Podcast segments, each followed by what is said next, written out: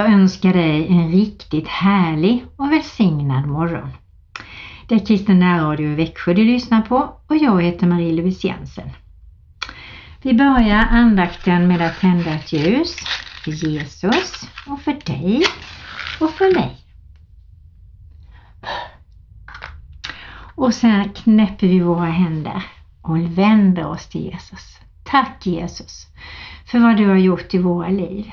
Tack att du ser på oss just nu med dina kärleksfulla ögon. Tack att du har dött för vår skull, för våra struligheter och knasigheter och allt det där som vi har sagt och gjort och kanske inte gjort som vi borde göra, som, som har gjort dig ledsen Jesus. Vi ber om förlåtelse för det. Tvätta våra hjärtan rena Herre så att vi kan stiga upp i dagen och känna att vi lever nära dig Herre, att det inte finns någonting mellan dig och oss idag. Vi tackar dig för det liv som du ger. Du är ju vägen, sanningen och livet och livgivaren.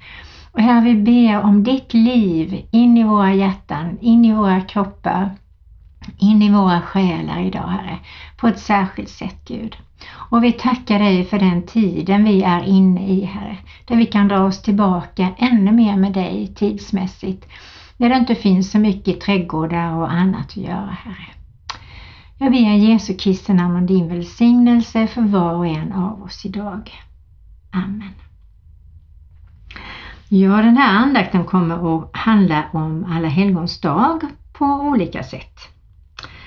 Och när man tänker på inför det här med Alla helgons dag så tänker vi kanske på begravningar vi har varit på.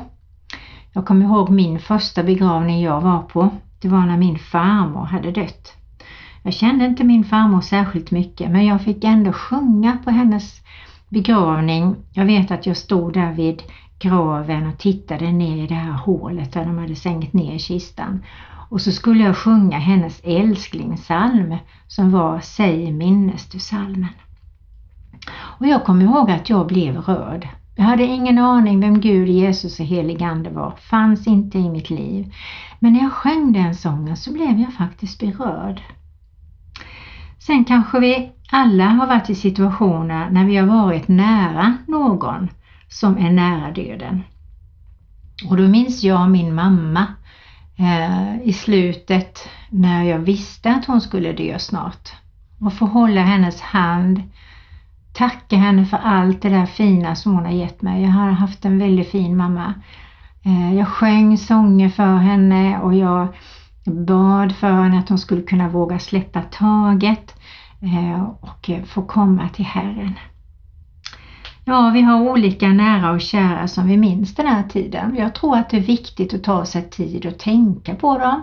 Kanske gråta den där skvätten som vi inte har gråtit färdigt utan vi behöver kanske gråta ut den och berätta för Herren hur vi känner det och vad vi saknar den personen. Men jag vet att Herren kan fylla den platsen så att det blir fullt med kärlek och närhet från honom. Och alla fina goda minnen får vi tacka för. Och de svåra minnena får vi spika fast på korset och säga de här minnena vill jag inte gå och dras med och må dåligt av längre. Du får ta hand om det Jesus. I Jesu Kristi namn. Amen. Så kan man göra och jag har fått göra det eh, vid vissa tillfällen i mitt liv. Sen kan man ju fundera lite grann på vad händer då efter döden? Eh, och men jag hoppas att vi inte någon av oss är rädda för döden därför att döden är ändå en förlösning eh, till någonting nytt. Och så kan vi tänka. Och vi ska läsa i Kolosserbrevet 3, 12 och 17. För varje dag är viktig. Och i Kolosserbrevet står det så här. Klä er därför som Guds utvalda, heliga och älskade i innerlig barmhärtighet, godhet, ödmjukhet, mildhet och tålamod. Ha fördragsamhet med varandra och förlåt varandra om någon har något att förebrå en annan. Så som Herren har förlåtit er ska ni förlåta varandra. Över allt detta ska ni klä er i kärleken som binder samman till en fullkomlig enhet. Låt Kristi frid regera i era hjärtan, den frid som ni blev kallade till i en enda kropp och var tacksamma. Låt Kristi ord rikligt bo hos er med all sin vishet. Undervisa och förmana varandra med salmer, hymner och andliga sånger och sjung med tacksamhet Guds lov i era hjärtan. Och allt vad ni gör i ord eller handling, gör det i Herren Jesu namn och tacka Gud Fadern genom honom. Och då kan man ju tänka, varför läser jag detta? Jo, därför att detta kan vara din och min sista dag. Och den är jätteviktig, vad vi strör ut till de nära, till de vi möter idag. Och vilka minnen andra ska få av dig och mig. Vad säger de på minnesstunden om dig och mig? Och idag kan ju bli den första dagen i vårt nya liv när vi bestämmer oss för att leva efter de här orden. Eller den sista dagen i vårt liv och den ska bli riktigt, riktigt bra. Så att vi prioriterar det som vi tror är Guds vilja. Och jag hittade ett fint musikstycke du ska få lyssna på. Det heter Koral och det är Björn Johansson som sjunger det. Herren är nära, han hör din bön och han svarar på bönen i sin tid. När nöd och mörker rår och själen brinner När hjärtat vilse går och väg ej finner och intet ser och intet mer kan bära. När hjärtat ropar Herre, är du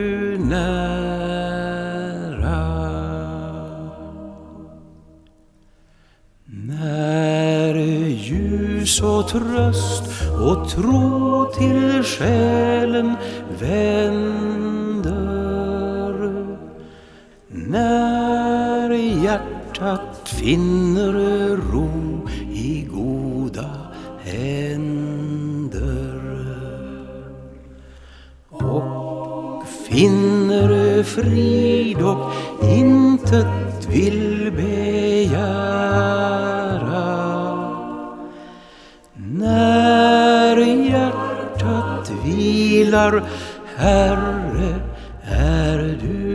nära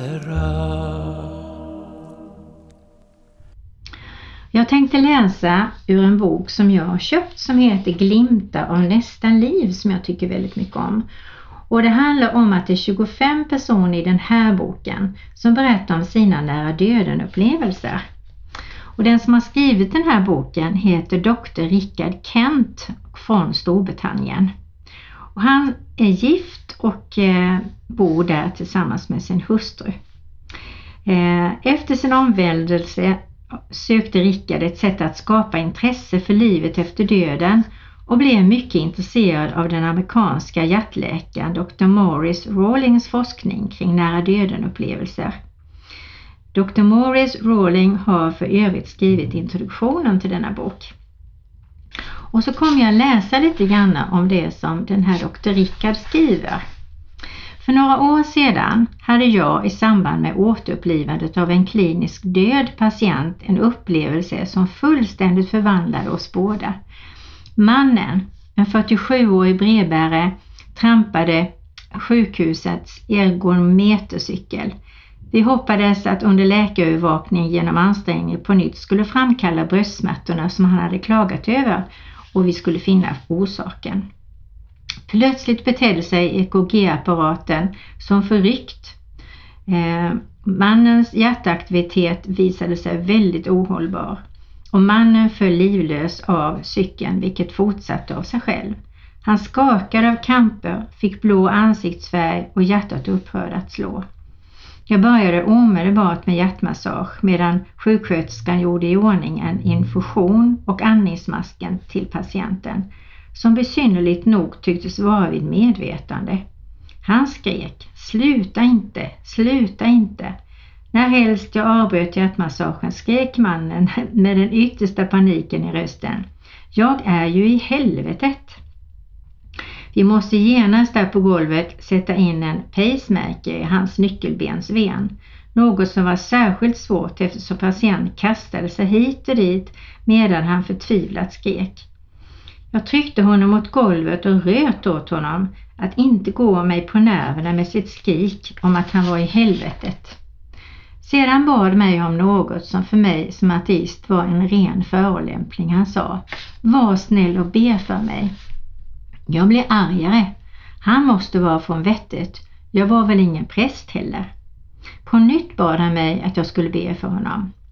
Sjuksköterskorna såg förväntansfullt på mig. I deras ögon kunde jag läsa Gör det, det är en dödens önskan. Alltså, jag gav efter. Jag formulerade en bön av vilken jag själv inte trodde ett ord på.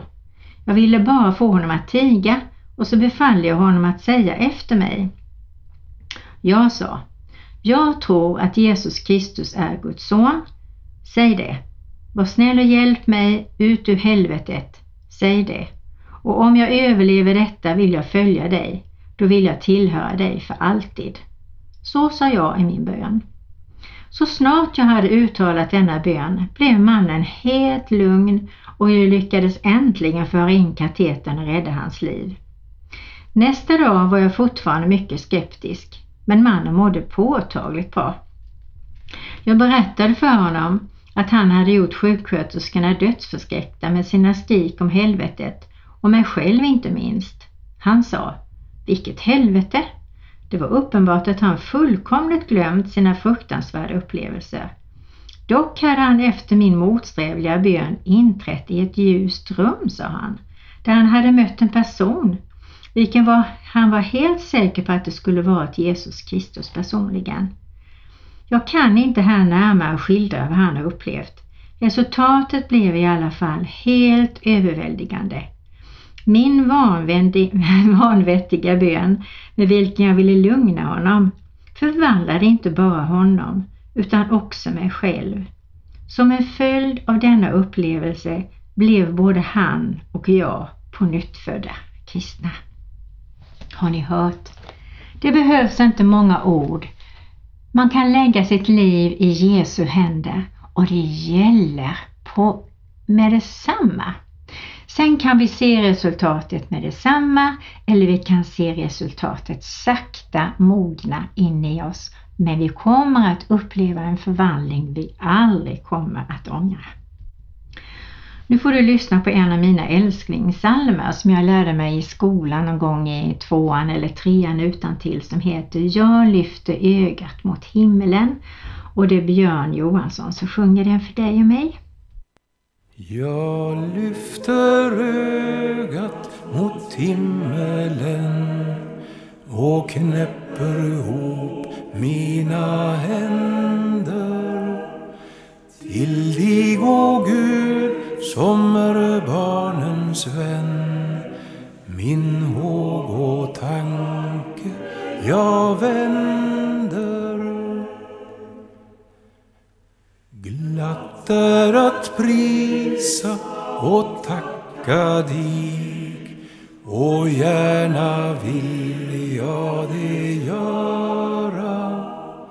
Jag vet det visst du ser på mig och ej försmår att mig höra.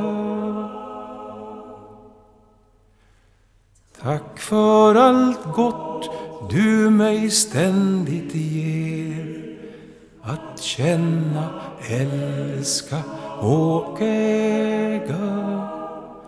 Tack gode Fader för mycket mer än jag kan nämna och säga. Så håll ut över mig än din hand.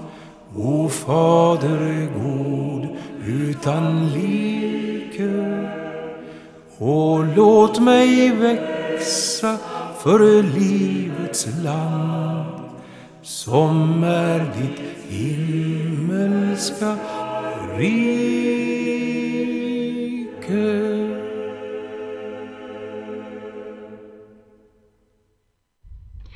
Jag läser ur Predika 9, 5-10 och då står det De som lever vet att de måste dö, men de döda vet ingenting och de får ingen lön mer, till minnet av dem är glömt. Deras kärlek, deras hat och deras avund finns inte mer. Aldrig någonsin mer får de ta del i vad som sker under solen. Ät därför ditt bröd med glädje och drick ditt vin med glatt hjärta. Gud är redan nöjd med det du gör. Låt dina kläder alltid vara vita och låt olja aldrig fattas på ditt huvud. Njut livet med den hustru som du älskar, ja eller man kan man väl säga då. Alla dagar i ditt förgängliga liv, det som Gud ger dig under solen, ja under alla dina förgängliga dagar. Ty detta är din lott i livet och under den möda som du gör dig under solen. Allt vad din hand kan göra, gör det med kraft. Ty i graven dit du går kan man inte verka eller tänka och där finns ingen kunskap eller vishet. Så läser jag och du ska få ta och lyssna på ett musikstycke. Göran Fristorp sjunger Blott en dag, ett ögonblick i sänder tillsammans med Anna-Lotta Larsson. Blott en dag, ett ögonblick i sänder vilken tröst vad en som kommer på. Allt ju vilar i min faders händer. Skulle jag som barn väl ängslas då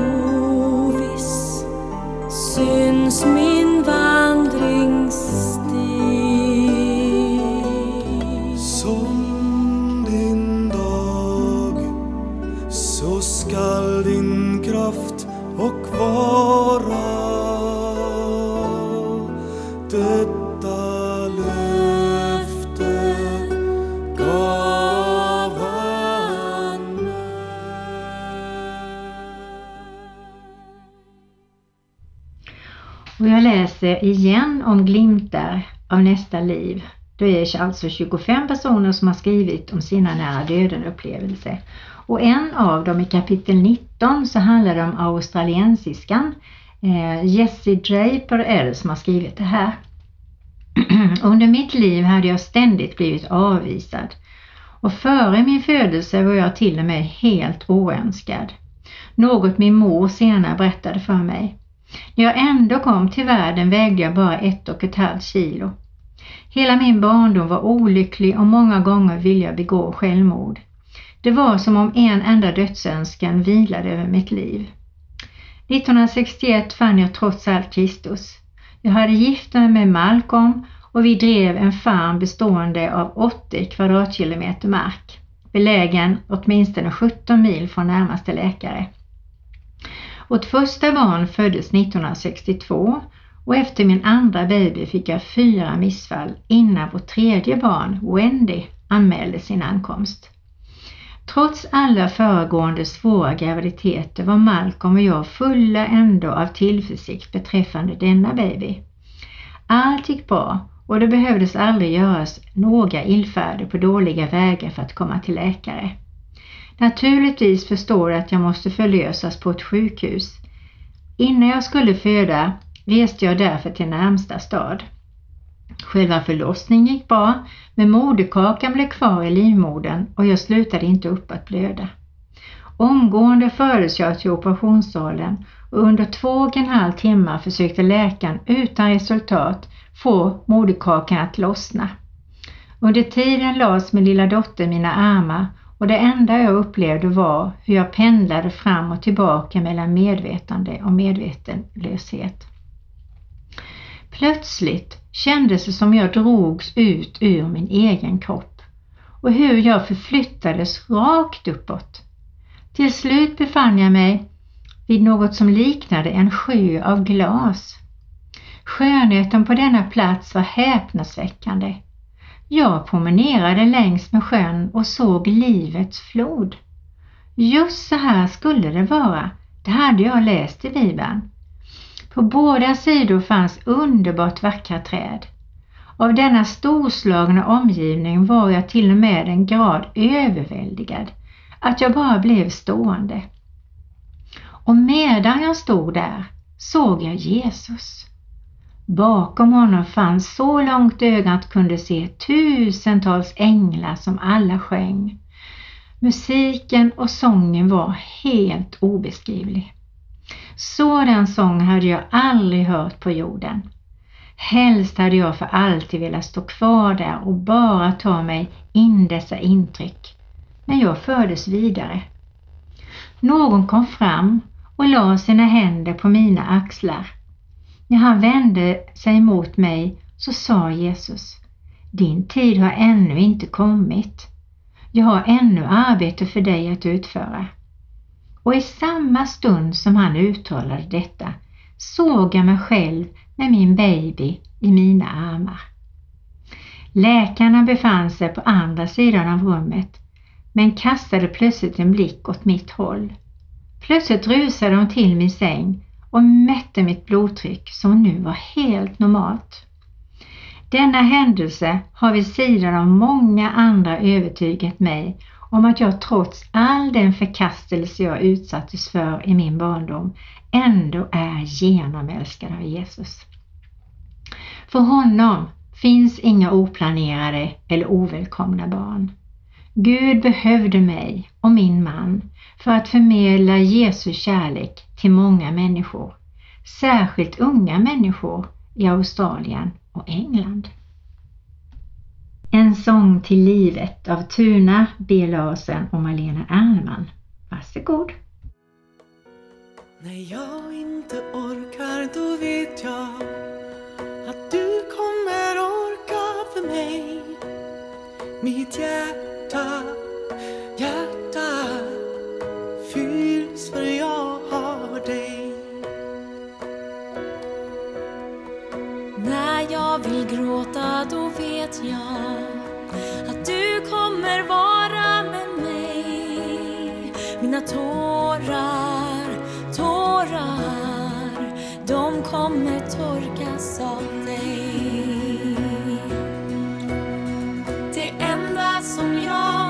Kan ta för givet det ljuset du är för mig.